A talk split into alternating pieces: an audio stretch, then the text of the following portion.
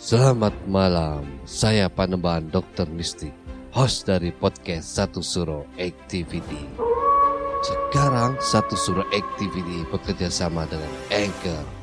Aplikasi ini sangat membantu saya untuk membuat dan publish show saya ini. Perlu kalian ketahui, ternyata membuat podcast itu sangat gampang sekali dan 100% gratis. Anchor tidak hanya mempermudah untuk membuat podcast. Dalam hal distribusi pun aplikasi Anchor memiliki banyak jaringan, di antaranya Spotify, Apple Podcast, dan platform podcast lainnya. Tidak perlu berpikir lama, segera download aplikasi Anchor dan bikin podcast kamu sekarang juga gak pakai lama. Saat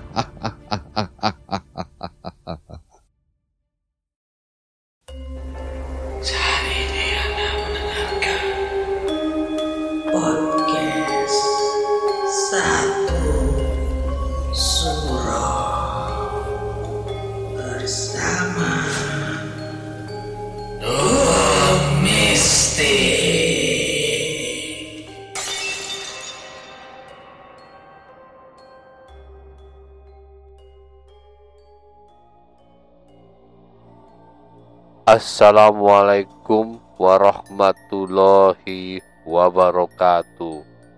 Salam, salam, salam.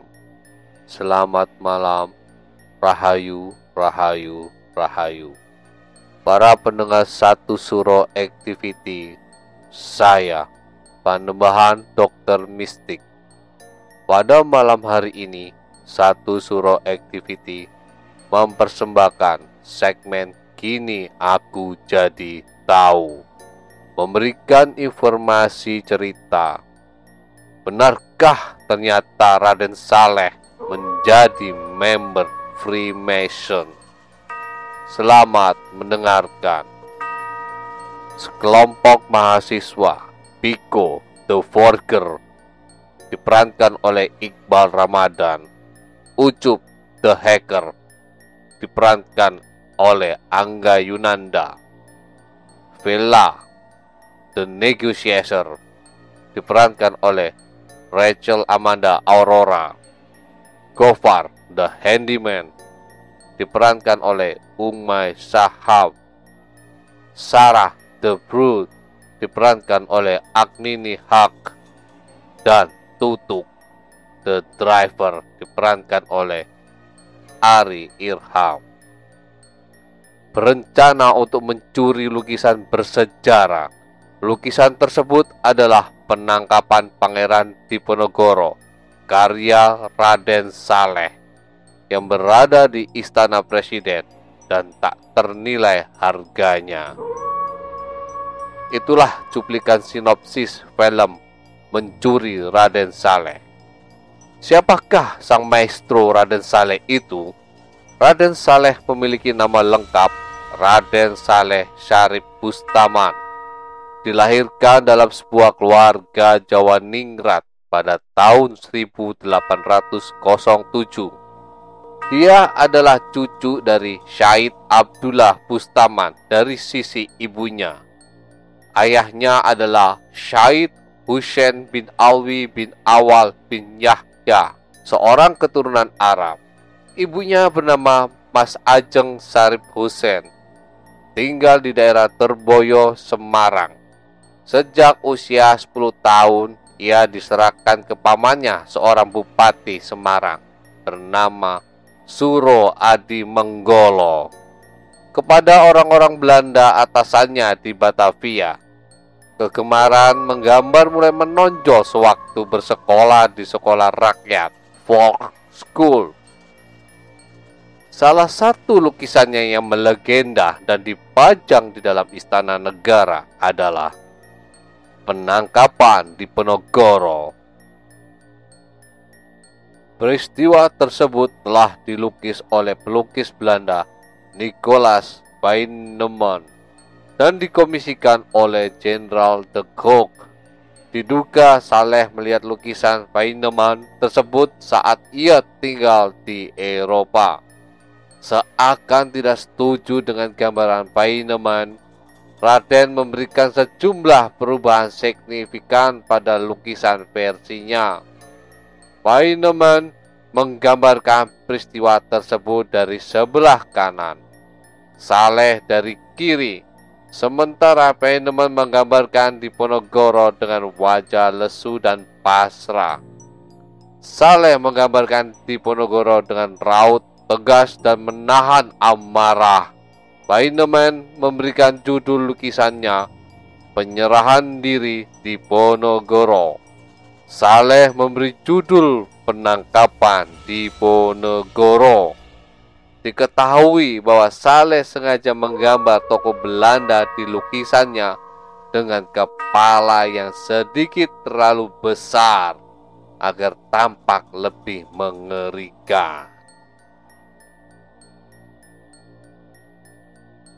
Pause juga mencatat Raden Saleh seorang pria Jawa dengan cepat diterima oleh golongan elit di Eropa. Ia bergaul erat dengan petinggi-petinggi kerajaan Belanda, bahkan menerima anugerah bintang Eigen Crown.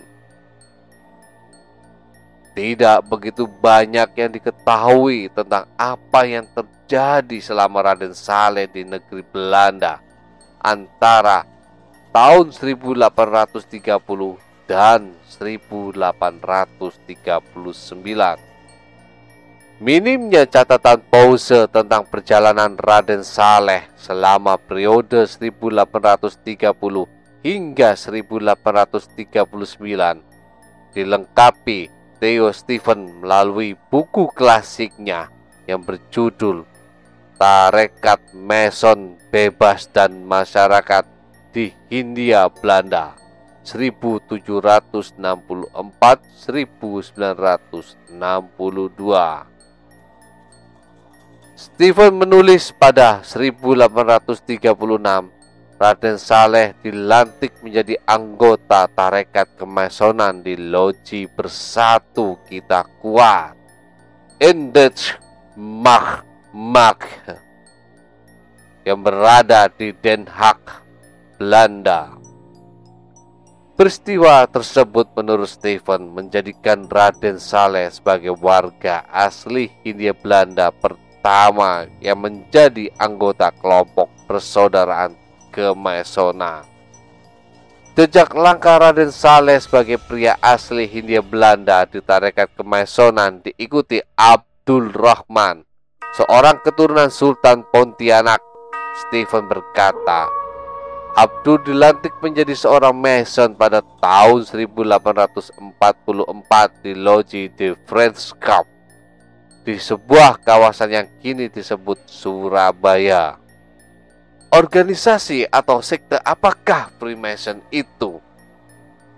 Freemasonry merupakan organisasi yang tertutup dan ketat ketat dalam penerimaan anggota barunya. Organisasi ini bukan merupakan organisasi agama dan tidak kan pada teologi apa pun yang asal usulnya tidak jelas antara akhir abad ke-16 hingga awal abad ke-17. Organisasi ini diatur menjadi loji-loji besar atau kadang-kadang orient yang mandiri yang masing-masing memiliki yurisdiksinya tersendiri yang terdiri atas loji bawahan atau konstituen.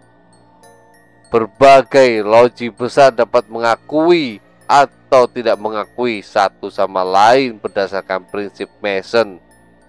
Sebuah loji besar bisanya menganggap loji besar lainnya yang memiliki prinsip yang sama sebagai loji reguler dan mereka yang tidak sama dianggap sebagai loji tak reguler atau loji gelap.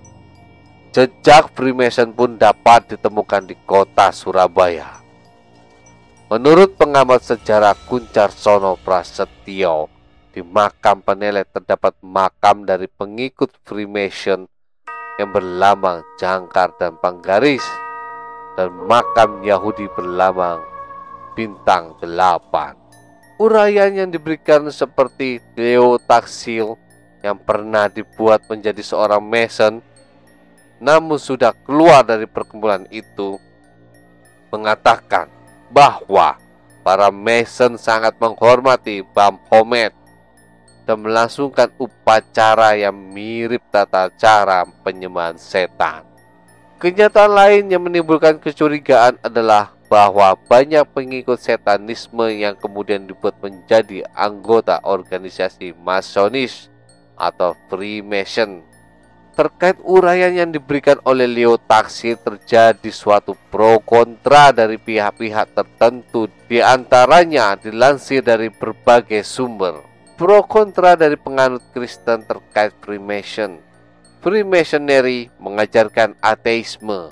Pada kenyataannya, Freemasonry tidak memiliki hubungannya dengan ateisme karena Freemasonry tidak mempunyai kaitan dengan sistem kepercayaan dan agama. Freemasonry adalah organisasi sekuler yang mengajarkan tentang kepercayaan agama apa pun dan dalam filosofinya menghormati Tuhan sebagai sang pencipta. Freemasonry menghancurkan gereja. Pada kenyataannya, Freemasonry membantah bahwa tidak pernah ada deklarasi bahwa Freemasonry mempunyai tujuan untuk menghancurkan gereja. Freemasonry mempunyai buku suci yaitu Moral dan Dogma buatan Albert Pike, seorang master Freemasonry Amerika yang sangat terkenal yang menyebutkan bahwa Lucifer adalah Tuhan Freemasonry. Pada kenyataannya, di dalam buku tersebut tidak pernah disebutkan bahwa Lucifer adalah Tuhan dari Freemason. Prasangka ini sendiri muncul akibat kesalahan pengutipan oleh Leo Taksil. Pro kontra menurut Harun Yahya, Freemasonry adalah kelompok Yahudi yang menjalankan perintah rahasia dari Ordo Bait Allah serta dari kelompok Zionis internasional. Tuduhan lainnya adalah bahwa Freemasonry mempunyai agenda tersembunyi, salah satunya untuk menghancurkan Islam, melakukan kontrol terhadap pejabat-pejabat Arab dalam masalah Palestina, menggunakan nama-nama lain seperti Rotary and Lion Club sebagai kamuflase, serta melakukan kegiatan mafia dan korupsi. Selain itu, Harun Yahya juga menuding bahwa Freemasonry menggunakan prinsip dan menjalankan upacara Kabalah, serta melakukan kegiatan sihir dan melaksanakan serta menyebarkan ajaran Yudaisme, ateisme, paganisme, komunisme, dan nazisme. Tudingan ini populer di dunia Islam karena mengaitkan Freemasonry dengan berbagai kepercayaan dan organisasi yang sebenarnya tidak ada hubungannya. Topik kebencian antar agama dan faksi dalam perang salib serta dengan masalah Palestina dan Israel. Kecurigaan terhadap Freemasonry pada masa kini ditelusuri kepada pasal 17, 22, dan 28 dalam dokumen Hamas 1988 yang mencurigai Freemason, Rotary, Lion, dan organisasi rahasia lainnya sebagai alat untuk menyelipkan kepentingan Israel. Walaupun demikian, kecurigaan ini sebenarnya belum pernah terbukti dan organisasi yang disebutkan sebenarnya tidak beroperasi secara tersembunyi atau menyimpan rahasia. Dengan berbagai kecurigaan yang ada, Freemasonry berkembang di berbagai negara yang berpenduduk muslim seperti Malaysia, Turki, Maroko, dan Lebanon. Para pendengar satu surah activity, meskipun informasi dan catatan-catatan perihal kebenaran Freemason dan Raden Saleh sebagai anggota Freemason sangatlah minim, karena sekte ini yang sangat tertutup dan memegang rahasia apa yang tengah dibicarakan di dalamnya para pendengar satu surah activity Terlepas pro dan kontra, pria Freemason adalah suatu organisasi atau sekte sesat ataupun tidak. Biarlah itu menjadi sebuah catatan sejarah yang tidak pernah terungkap dan perlu kita waspadai. Para pendengar satu surah activity, tetaplah iling lan waspada. Assalamualaikum warahmatullahi wabarakatuh. Salam, salam, salam. Rahayu, rahayu, rahayu. Sa